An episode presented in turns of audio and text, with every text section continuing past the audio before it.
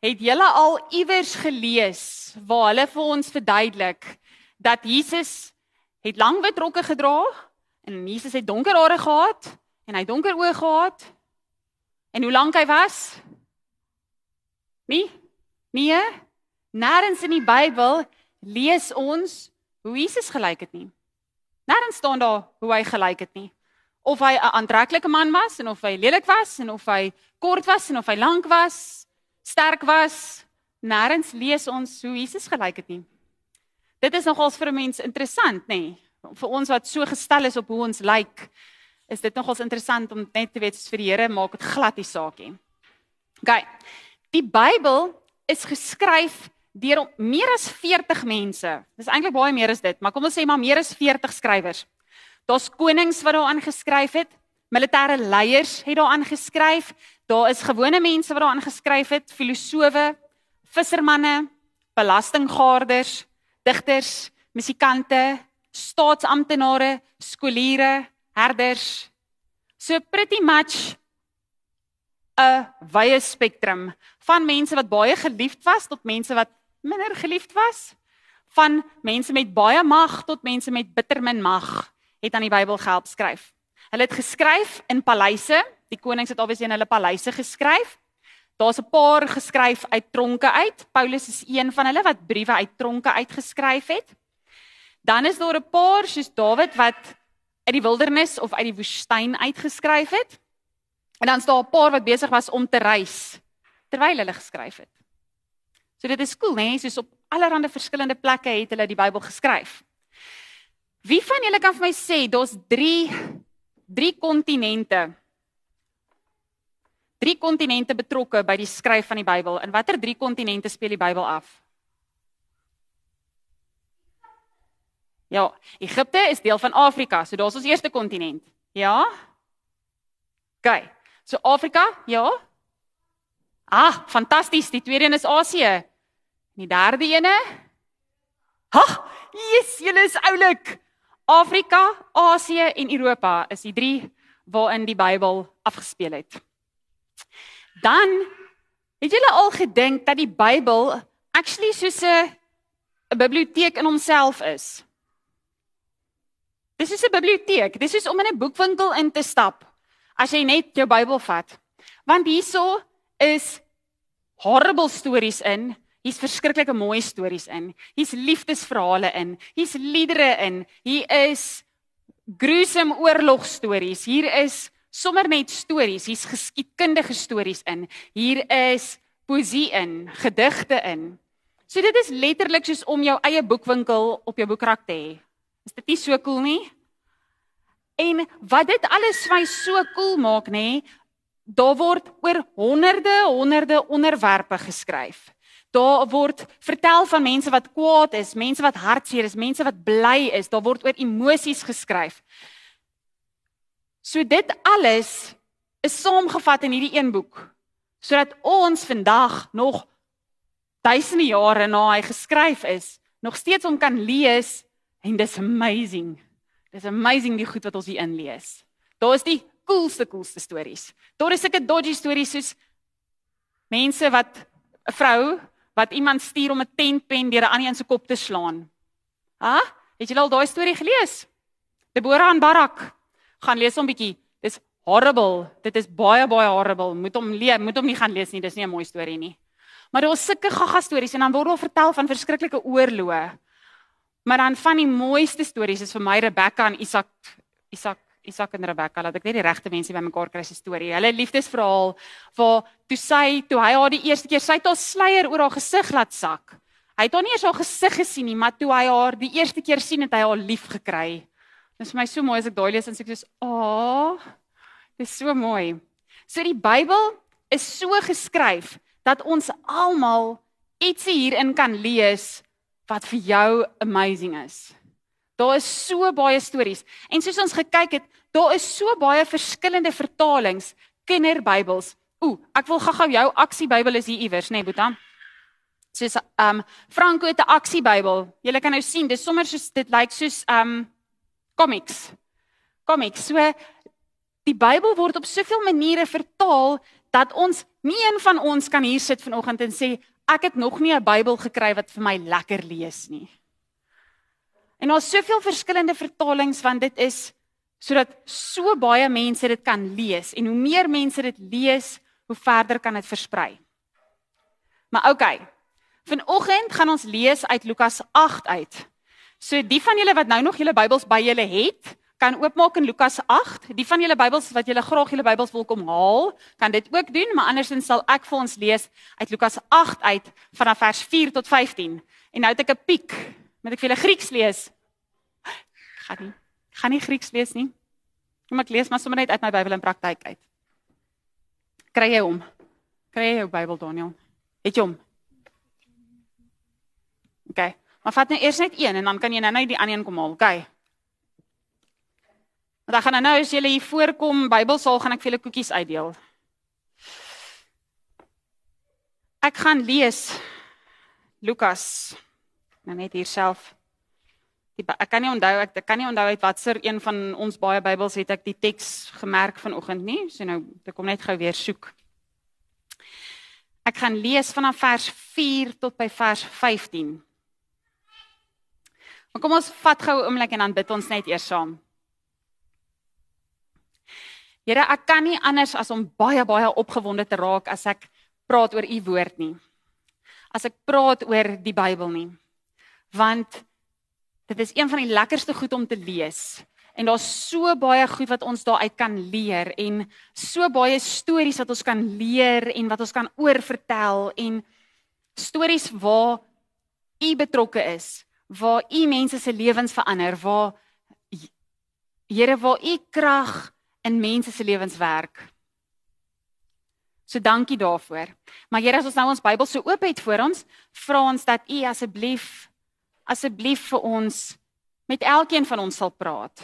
Dat elkeen wat vanoggend hier sit sal hoor wat U wil hê hulle moet hoor en nie net wat ek sê nie. In Jesus naam bid ek dit. Amen. Ek onthou nou so 'n bietjie déjà vu. Ek onthou so goed toe ek as kind nou kon begin lees en met my eie Bybel kerk toe gaan en as die dominee daarom as dit nou nie daar voor in die kerk gestaan het wat se teks ons lees nie as daai dominee sê wat se teks dit is om te kyk hoe vinnig kan jy daarby uitkom dan begin die dominee al bid en jy sê soos nee ek soek die teks. Waar is dit? Waar is dit?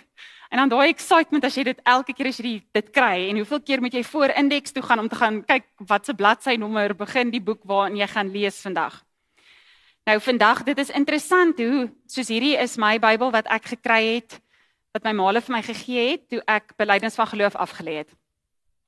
Maar dit is interessant hoe hy nog steeds soos as ek hom ek kan hom redelik naby skat. As ek hom oopmaak, is ek redelik naby aan waar ek wil wees. So mense leer ken mos jou Bybel. Dis amazing eintlik. OK. Ek lees vanaf vers 4 af tot by vers 15. Dit is die 83 vertaling wat ek lees. Uit verskillende dorpe het aanhoudend mense na Jesus toe gestroom en toe 'n groot menigte saamgekom het, het hy vir hulle 'n gelykenis vertel. Nou, vir julle wat nie weet nie, 'n gelykenis is maar net 'n storie wat Jesus vertel. So Jesus vertel vir hulle 'n storie om vir hulle ietsie te verduidelik van wat regtig gebeur, okay? So die gelykenis is die gelykenis van die saaier. Jesus sê toe vir hulle: 'n Saaier het uitgegaan om saad te saai. Met die saad het 'n deel op die pad geval en dit is vertrap en die voëls het dit opgepik. 'n Ander deel het op 'n klipbank geval. Nadat dit opgekom het, het dit verdroog omdat dit geen vogtigheid gehad het nie. Nog 'n ander deel het tussen die onkruid geval en die onkruid het daarmee saam gegroei en dit laat verstik. Daar was ook 'n deel wat in goeie grond geval het en dit het opgekom en honderdvoudig oes gelewer. Toe het hy gesê: O, toe hy dit gesê het, roep hy uit: Wie ore het en kan hoor, moet luister. Nou, mamas en pappas, daai is nou nie 'n teks om vir jou kinders te gebruik en te sê, hoor jy, die Bybel sê jy ore het om te hoor, moet jy vir my luister nie. Glad nie. OK. Vers 9. Sy disippels het hom gevra wat die betekenis van hierdie gelykenis is. En hy het geantwoord: Aan julle is dit gegee om die geheime van die koninkryk van God te ken, maar vir die ander bly dit by gelykenisse, sodat hulle kyk sonder om te sien en hoor sonder om te verstaan. Vers 11. Nou kom die belangrike gedeelte. Nou gaan Jesus vir hulle verduidelik wat is nou die punt van hierdie saad wat gesaai is. Die betekenis van die gelykenis is dit. Die saad is die woord van God. Die wat op die pad val, dui op mense wat die woord hoor, maar dan kom die duiwel en neem dit uit hulle harte weg sodat hulle nie tot geloof kom en gered word nie. Die wat op die klipbank val, dui op hulle wat woord met blydskap aanneem wanneer hulle dit hoor, maar dit skiet nie wortel nie. Hulle geloof hou net 'n klein tydjie. Die oomblik dat dit op die proef gestel word, gee hulle moed op. Die saad wat tussen die onkruid val, dui op die wat die woord hoor, maar deur die sorges en rykdom en die genietinge van die lewe word dit gaandeweg verstik. En dit skiet nie saad nie. Die deel wat in die grond val, dui op die wat die woord met 'n goeie en opregte hart hoor en dit bewaar en deur die volharding vrug dra. OK. Net tot sover gaan ons lees. Nou daar's twee goed. Twee belangrike dinge vir my oor die Bybel wat ons hier lees. En die eerste ding is dit motiveer ons om vrug te dra, om anderster om te verander, om te groei as jy die Bybel lees. Nou oké, okay, dink gou-gou as jy nou blomsaad het, nê? Wie van julle hou van tuinwerk? Ek kan nie met alle eerlikheid my hand opsteek nie. Is nie baie lief vir tuinwerk nie, maar oké. Okay. Wat sou gebeur as ek nou vandag net hier 'n saad laat val het? 'n Blomsaad hier in die kerk laat val het? Kan iemand vir my sê wat sou gebeur as ek 'n saadjie nou hier in die kerk laat val het? Wat sou gebeur het, Olivia? Niks nie. Ja, presies. Oom Clive sou maandag as hy weer kom stofsuig, hmm, daar gaan die saadjie in die stofsuier op. Weg is die saadjie. OK? So dit is nou soos die saad wat op die pad geval het. Nou as ek nou 'n klipbank, nou julle weet hoe lyk 'n klipbank? Is dis klipbank en dan staan so 'n stukkie grond bo-oor. So van Prieskasse daar af ken ek 'n klipbank want hulle moes letterlik dinamiet gebruik om die huise se fondasies te lê. So hard is daai grond. So hulle het letterlik in Prieska bou hulle mure op en hulle gaan ry grond in om tuin te maak. Want dis klipbank. Daar's goed wat groei, maar dis onkruid want dit kan nie diep groei nie. OK? Nou onkruid. Wie van julle ken onkruid? Nê? Nee? Op julle gras? Dit is gemors. Dis gemors. En as jy nie genoeg water gee nie, Het julle geweet as jy op gras, hoe meer water jy gee, hoe minder groei die onkruid en hoe meer groei die gras. So, maar hoe minder water jy gee, hoe meer floreer die onkruid. En as dit baie mooi geel blommetjies en oor 'n paar dae kan jy op jou gras loop nie, want dan is dit vol dubbeltjies. OK. So dit is die ander saad wat tussen onkruid val wat baie mooi groei want gras groei tussen onkruid. Maar as dit nie heeltyd gevoed word met water nie, dan gaan dit dood want dan verstik soos die Bybel dit sê die onkruid. OK. En dan die vierde ding is as jy nou lekker gesonde grond het soos hier buite en jy plant die plante en hulle is gelukkig en hulle kry blomme en hulle dra vrugte. OK. So wat ons daar het is hierdie harde grond is mense wat hulle hulle die Bybel dalk al gelees, maar dit beteken vir hulle niks. Van die begin af is dit net soos pff, ek kan nou nie eens gepla wees hiermee nie. Dan kry jy mense wat die Bybel lees, dan sê hulle soos, "Ag, dit is regtig awesome hierdie Bybel. Het julle dit al gelees? Dis fantasties." Maar dis waar dit stop. Hulle lees die Bybel dalk een keer en hulle dink dit is amazing, maar hulle doen niks daarmee nie. Hulle kan nie groei nie. Dan dit wat in die onkruid val is soos baie baie goeie Christene. Hulle lees hulle Bybels, hulle is goeie Christene, hulle kom kerk toe, hulle doen nie lelike goed nie en so, maar Hulle skiet nooit saad nie. Hulle versprei nooit die woord nie. Dit bly net by hulle en dan die dit wat op die goeie grond groei, kry vrugte wat saad maak wat dan nou weer versprei. So dink 'n bietjie oor jouself. Hoe voel jy oor die Bybel as jy die Bybel lees? Want die Bybel leer ons van God en hy, hoe lief hy ons elkeen het. En in die Bybel lees ons dat as God na ons kyk, sien hy hierdie ongelooflike mense Hy's lief vir elkeen van ons net soos ons is. Dis alles goed wat ons in die Bybel lees. Maar dan moet ons actually die Bybel lees. Dan moet jy die Bybel lees. En dis daai onvoorwaardelike liefde wat ons by God leer wat ons moet motiveer om te groei en aanhou groei en aanhou lees en meer te wil leer oor die Bybel. en ons lewens te verander soos wat Jesus vra ons moet leef. Om te leef soos wat hy vra ons moet leef, met hoop en met vreugde en met liefde. OK. So die eerste deel van daai teks wat ons gelees het is dit motiveer ons om te groei, om vrug te dra. OK? Maar dit motiveer ons om te verander as ons ons Bybels lees. Die tweede ding wat verskriklik belangrik is van hierdie gedeelte is dat dit moet vrug dra. Dit moet saad skiet. Dit is die belangrikste deel van hierdie gedeelte. Is daar moet daar moet iets verder gaan. Ons kan nie net 'n saad hier laat val nie. Ons kan nie die saad in 'n klipbank laat val en net hoop die ding groei ordentlik en kry maar daar 'n wonderlike diep wortel nie. Ons moet die saad versprei. Wat is die hoofdoel van vrugte? Ja?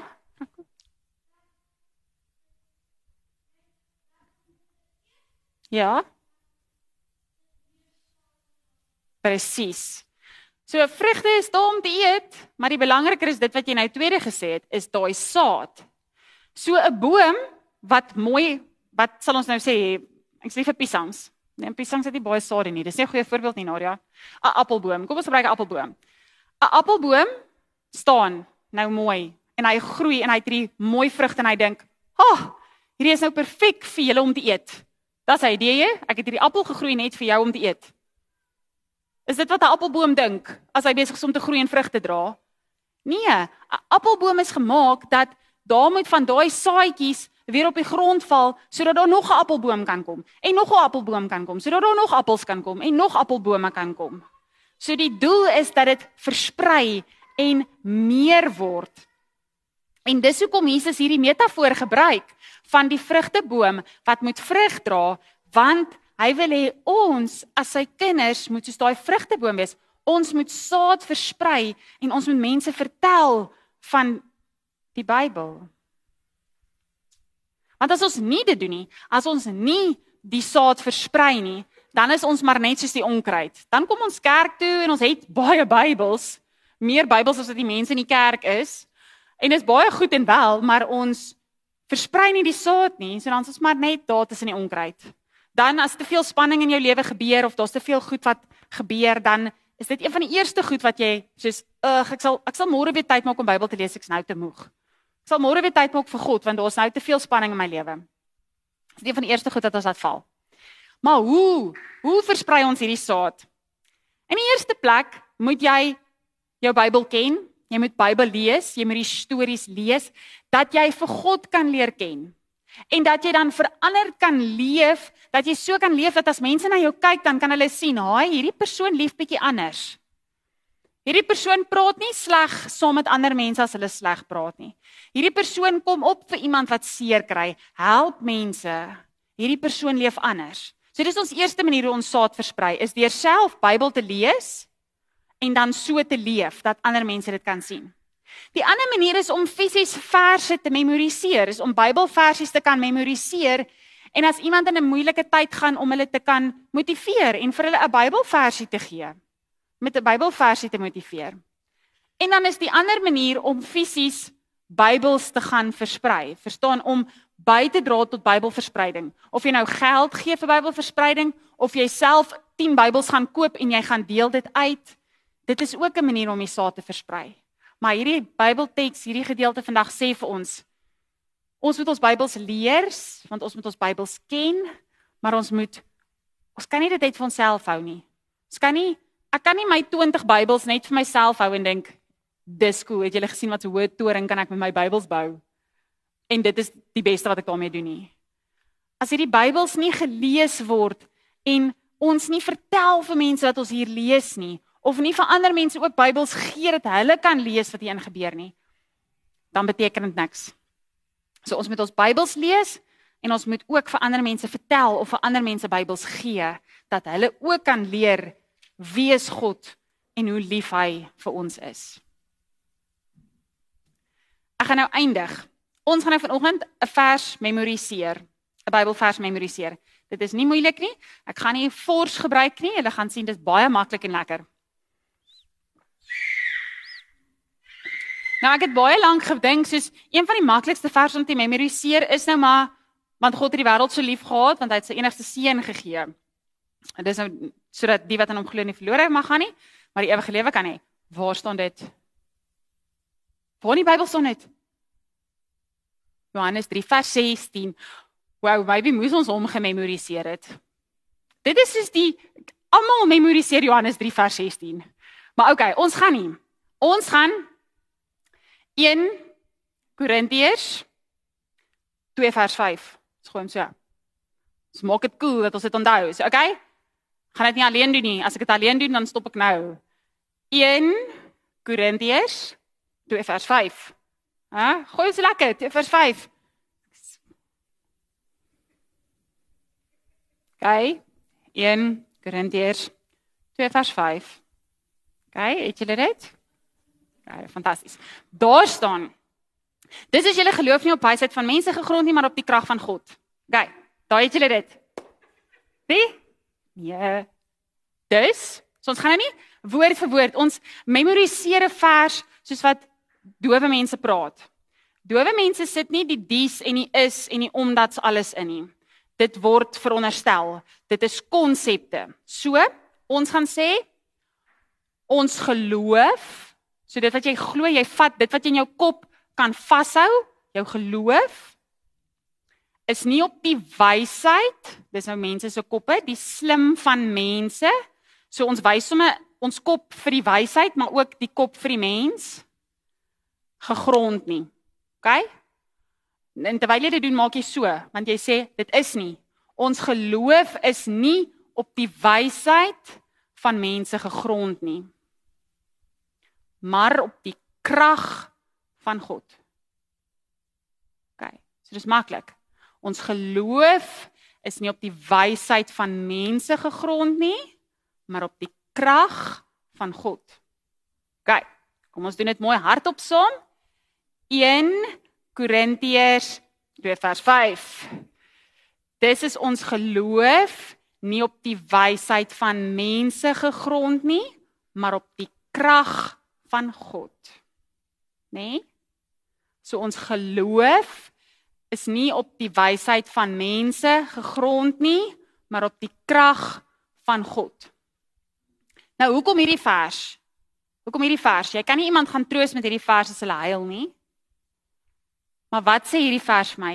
Hierdie vers sê ek as mens is belangrik vir God. Maar my geloof is nie afhanklik van die mens nie